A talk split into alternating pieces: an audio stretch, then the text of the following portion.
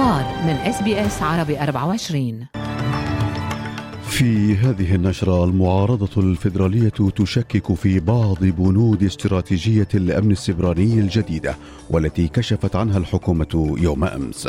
حقوقيون يطالبون بتعريف خط الفقر لمساعدة المحتاجين الأستراليين. وتجدد أعمال العنف بين مستوطنين إسرائيليين وفلسطينيين في الضفة الغربية.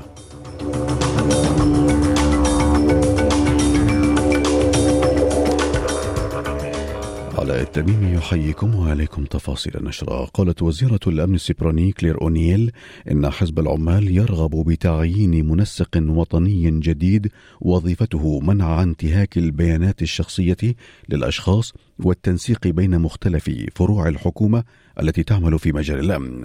وأوضحت أن الحكومة ستمنح أيضا السلطة لمديرية الإشارات الأسترالية لمساعدة الشركات أو المنظمات الأسترالية في ظل بعض الانتهاكات الخطرة على الأمن القومي. فيما قال المتحدث باسم الأمن السبراني للائتلاف السيناتور جيمس باترسون إنه غير مقتنع بمنح هذه السلطة لمديرية الإشارة. If the government now believes that these extreme emergency powers are now necessary to apply to every other business, it has to provide a rationale and a justification for why that's necessary and to explain how that would work. في سياق آخر يجتمع وزراء العلاقات في مكان العمل الفيدرالي ومناطق أخرى اليوم للنظر في حظر استيراد منتجات الحجر المصمم هندسيا والذي يدعى ب engineered stone products يأتي هذا الاجتماع وسط دعوات من قبل المتخصصين الطبيين والصحيين للتحرك لوقف العدد المتزايد من حالات الإصابة بمرض رئوي لدى الذين يعملون في هذا المجال الذي تصنع منه طاولات المطابخ الحجرية. وقال الدكتور جرايم إدواردز من الكلية الملكية للأطباء إنه كلما تم الإسراع باتخاذ القرار كلما قللنا من الإصابات. Those poor workers are going to suffer the consequence of the inaction of the regulators because they know that just simply doing a after the fact you know, rap on the knuckles, issuing a, a, an infringement notice or trying to correct the behaviour of that particular workplace is not going to protect the health and well-being of that worker.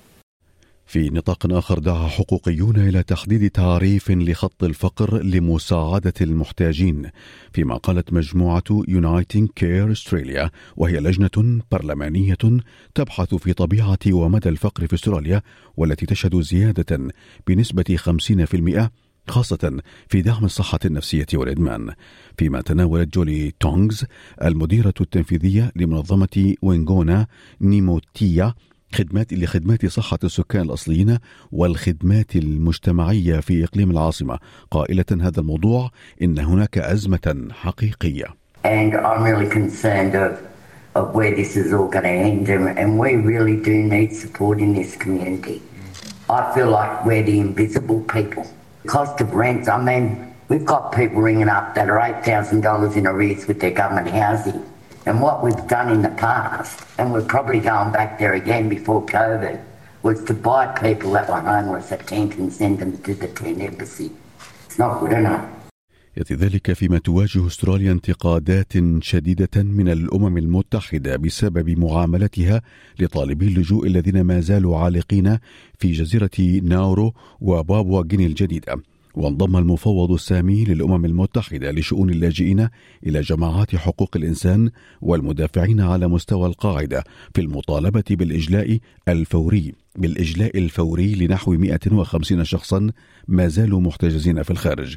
وقالت الأمم المتحدة إن الحكومة الأسترالية تتحمل مسؤولية قانونية تجاه التوطين الآمن لطالبي اللجوء بموجب القواعد الدولية ولا يمكنها التجريد من الاستثمار. وتعتبر تصريحاتهم كجزء من الطلبات التي تلقاها تحقيق برلماني يحقق في مشروع قانون. قدمه السيناتور عن حزب الخضر نيك ماكيم والذي سيشهد نقل 66 شخصا من ناورو و92 آخرين من نيوغيني الجديدة إلى الاحتجاز المجتمعي في أستراليا إذا لم يشكلوا أي خطر أمني. في سياق آخر قالت إحدى المؤيدات لصوت السكان الأصليين في البرلمان إن الاستفتاء هو الفرصة الأخيرة لإصلاح حقيقي في أستراليا وسيطرح الاستفتاء إذا كان ينبغي تكريس الاعتراف بالسكان الأصليين في دستور الأمة وقالت الرئيس المشارك لحوار أولورو بات أندرسون من جامعة نيو ساوث ويلز قائلة إن التصويت سيغير كل شيء بالنسبة للسكان الأصليين الأستراليين بغض النظر عن النتيجة فيما قالت إن الاستفتاء إن الاستفتاء يمثل آخر جولة لأحجار النرد وأفضل فرصة لأستراليا لإحداث تغيير حقيقي. يأتي ذلك فيما تلقت هيئة الشكاوى المالية الأسترالية أكثر من ألفي شكوى من المتضررين من فيضانات العام الماضي في ولايتي كوينزلاند ونيو ساوث ويلز. وعبر ديفيد لوك رئيس التحقيق عن الشكاوى عن قلقه من حجمها في الذكرى السنوية الأولى للفيضانات المدمرة. في سياق آخر يستعد وزراء من أستراليا للتوجه نحو الهند لإجراء محادثات حول التجارة والتعليم والاعتراف المتبادل بالمؤهلات الجامعية. فيما يترأس وزير التعليم جيسون كلير وفدا يتكون من عشرات من نواب رؤساء الجامعات الأسترالية فيما تعتبر الهند ثاني أكبر مصدر في أستراليا والأسرع نموا للطلاب الدوليين حيث ساهمت بحوالي ستة مليارات دولار في الاقتصاد قبل الجائحة. فيما يتوقع أن يلحق رئيس الوزراء أنتوني البانيزي الوفد إلى الهند الأسبوع المقبل مع وفد من رجال الأعمال فيما تقوم وزيرة الخارجية بيني وونغ بأول رحلة لها إلى الهند كوزيرة للخارجية. في سياق شرق أوسطي ذكرت وسائل إعلام إسرائيلية أن عددا من الأشخاص أصيبوا في خمس عمليات إطلاق نار قرب مدينة أريحة وقال مسعفون إسرائيليون إن رجلا أصيب بجروح خطرة في إطلاق نار على طريق سريع رئيس قرب البحر الميت وبلدة أريحة. وأوضحت أن الجيش الإسرائيلي أغلق عدة طرق في الأغوار سعيا للوصول إلى منفذ إطلاق النار. يأتي ذلك بعد يوم من مقتل إسرائيليين اثنين على يد مسلح فلسطيني في مكان آخر في الضفة الغربية واقتحام مستوطنين إسرائيليين لبلدة فلسطينية ردا على ذلك.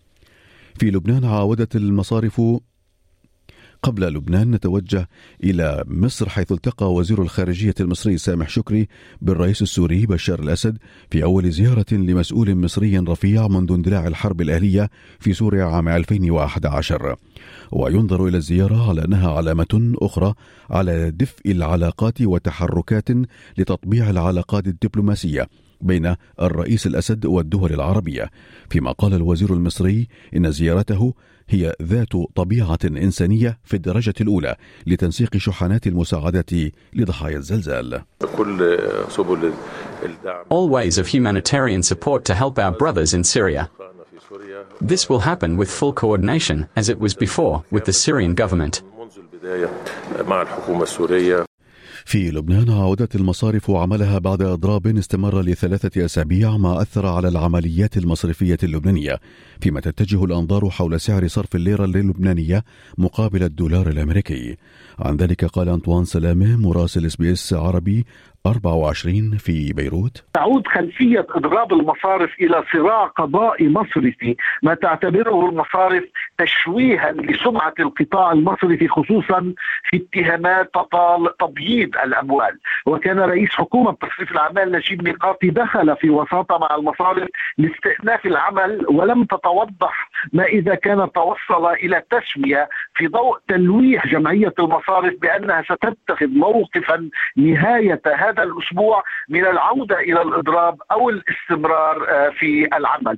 في أسعار العملات بلغ سعر صرف الدولار الأسترالي مقابل الدولار الأمريكي 67 سنتا أمريكيا. في الأخبار الرياضية يتنافس كل من الفرنسيين كريم بنزيما وكيليان مبابي والأرجنتيني ليونيل ميسي على جائزة أفضل لاعب في العالم The Best لعام 2022 إلى درجات الحرارة المتوقعة لهذا اليوم كما يلي. في بيرث الجو مشمس 38 درجة. في أدليد غائم جزئيا 24 في ملبورن أمطار متوقعة 19 هوبرت غائم 20 كامبرا غائم جزئيا 29 في سيدني الجو غائم 27 درجة. في بريسبن الجو مشمس 31 وأخيرا في داروين أمطار متفرقة و29 درجة مئوية. كانت هذه نشرة الأخبار.